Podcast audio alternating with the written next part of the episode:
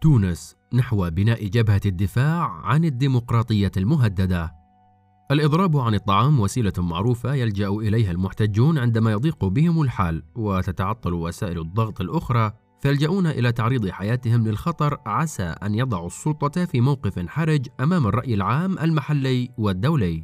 في تونس اليوم إضراب عن الطعام يقوم به سياسيون ونشطاء يتحركون تحت مبادرة مواطنون ضد الانقلاب هذه المبادرة التي تعتبر من بين أهم الفعاليات التي تنشط في الساحة التونسية والتي تتصدر في الداخل والخارج معارضة الرئيس قيس سعيد والساعية نحو سحب الشرعية عنه وإبطال القرارات الاستثنائية التي أعلن عنها يوم الخامس والعشرين من تموز يوليو الماضي.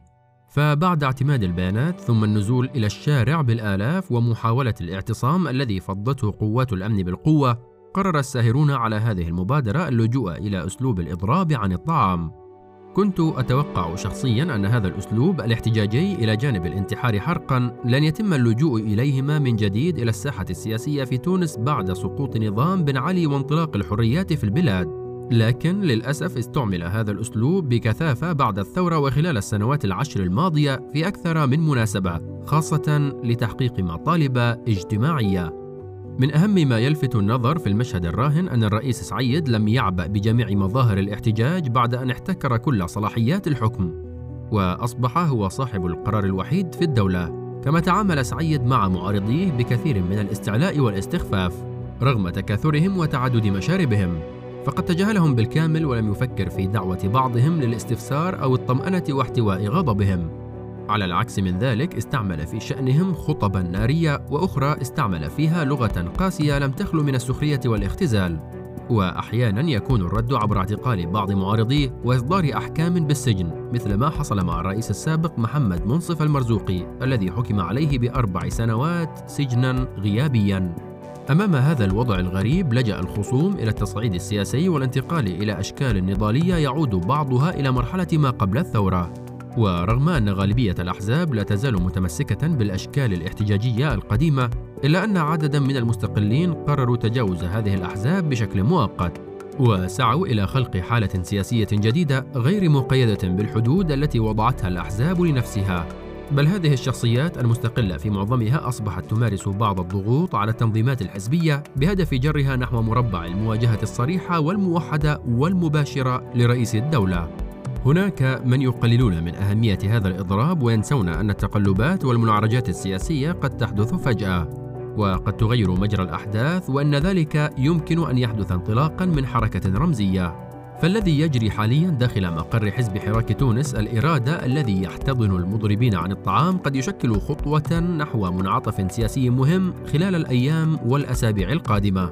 لقد أصبح هذا المقر مركز استقطاب لعدد متزايد من الشخصيات والفاعلين السياسيين يلتقون هناك يتشاورون ويعلنون بوضوح عن مساندتهم للمضربين ويرفضون علنا مواقف رئيس الدولة وسياسته.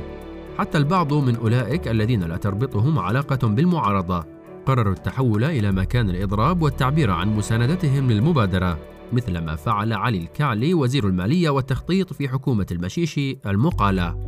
تتمثل الخطوة المفقودة في المشهد السياسي الراهن التي ينتظرها الكثيرون في بناء جبهة سياسية واسعة من أجل حماية الديمقراطية. هذه الخطوة التي لا تزال معارك الأمس بين الأحزاب تحول دون الإقدام عليها، وهي التي جعلت هذا الحراك بدون تأثير فعلي على الحالة السياسية. كما لا يزال الخوف والتوجس من حركة النهضة يفعلان فعلهما، ويحدان من جدوى الاحتجاج القائم ويقفان وراء تشتت المعارضة. مع ذلك يمكن لهذا الإضراب عن الطعام أن يوفر بيئة ملائمة لتقريب وجهات النظر بين خصوم الأمس ويجعل الإعلان عن تحالف ظرفي يهدف إلى تغيير موازين القوى في البلاد احتمالا واردا. من هذه الزاوية يكتسب التصريح الذي أدلى به نجيب الشابي دلالة خاصة عندما قال بعد الحكم على المرزوقي حان الوقت لنمد أيدينا مع بعضنا لإنقاذ تونس. فسياسة الرئيس سعيد قادرة على أن تجمع خصومه مهما كانت الخلافات التي تفصلهم بعضهم عن بعض. المهم أن تتحمل حركة النهضة مسؤوليتها وأن تطمئن بقية الأطراف الحزبية بأنها لا تنوي هذه المرة من الالتفاف فيما بعد على الجهود الجماعية لكل الأطراف الحزبية وغيرها. فالجميع يشعرون بالخطر وجميعهم اليوم غير مطمئنين لرئيس الدولة الذي لم يخفي رغبته في كنس جميع الأحزاب مهما كانت أفكارها وأحجامها وأوزانها كما لم يتردد في محاولة تهميش بقية الكيانات الوسيطة التي يضمها المجتمع المدني وفي مقدمتها الاتحاد العام التونسي للشغل. وهو ما جعل الحزام المحيط بقيس سعيد يزداد ضيقا يوما بعد يوم. في المقابل تتسع دائرة المعارضين له يوما بعد يوم.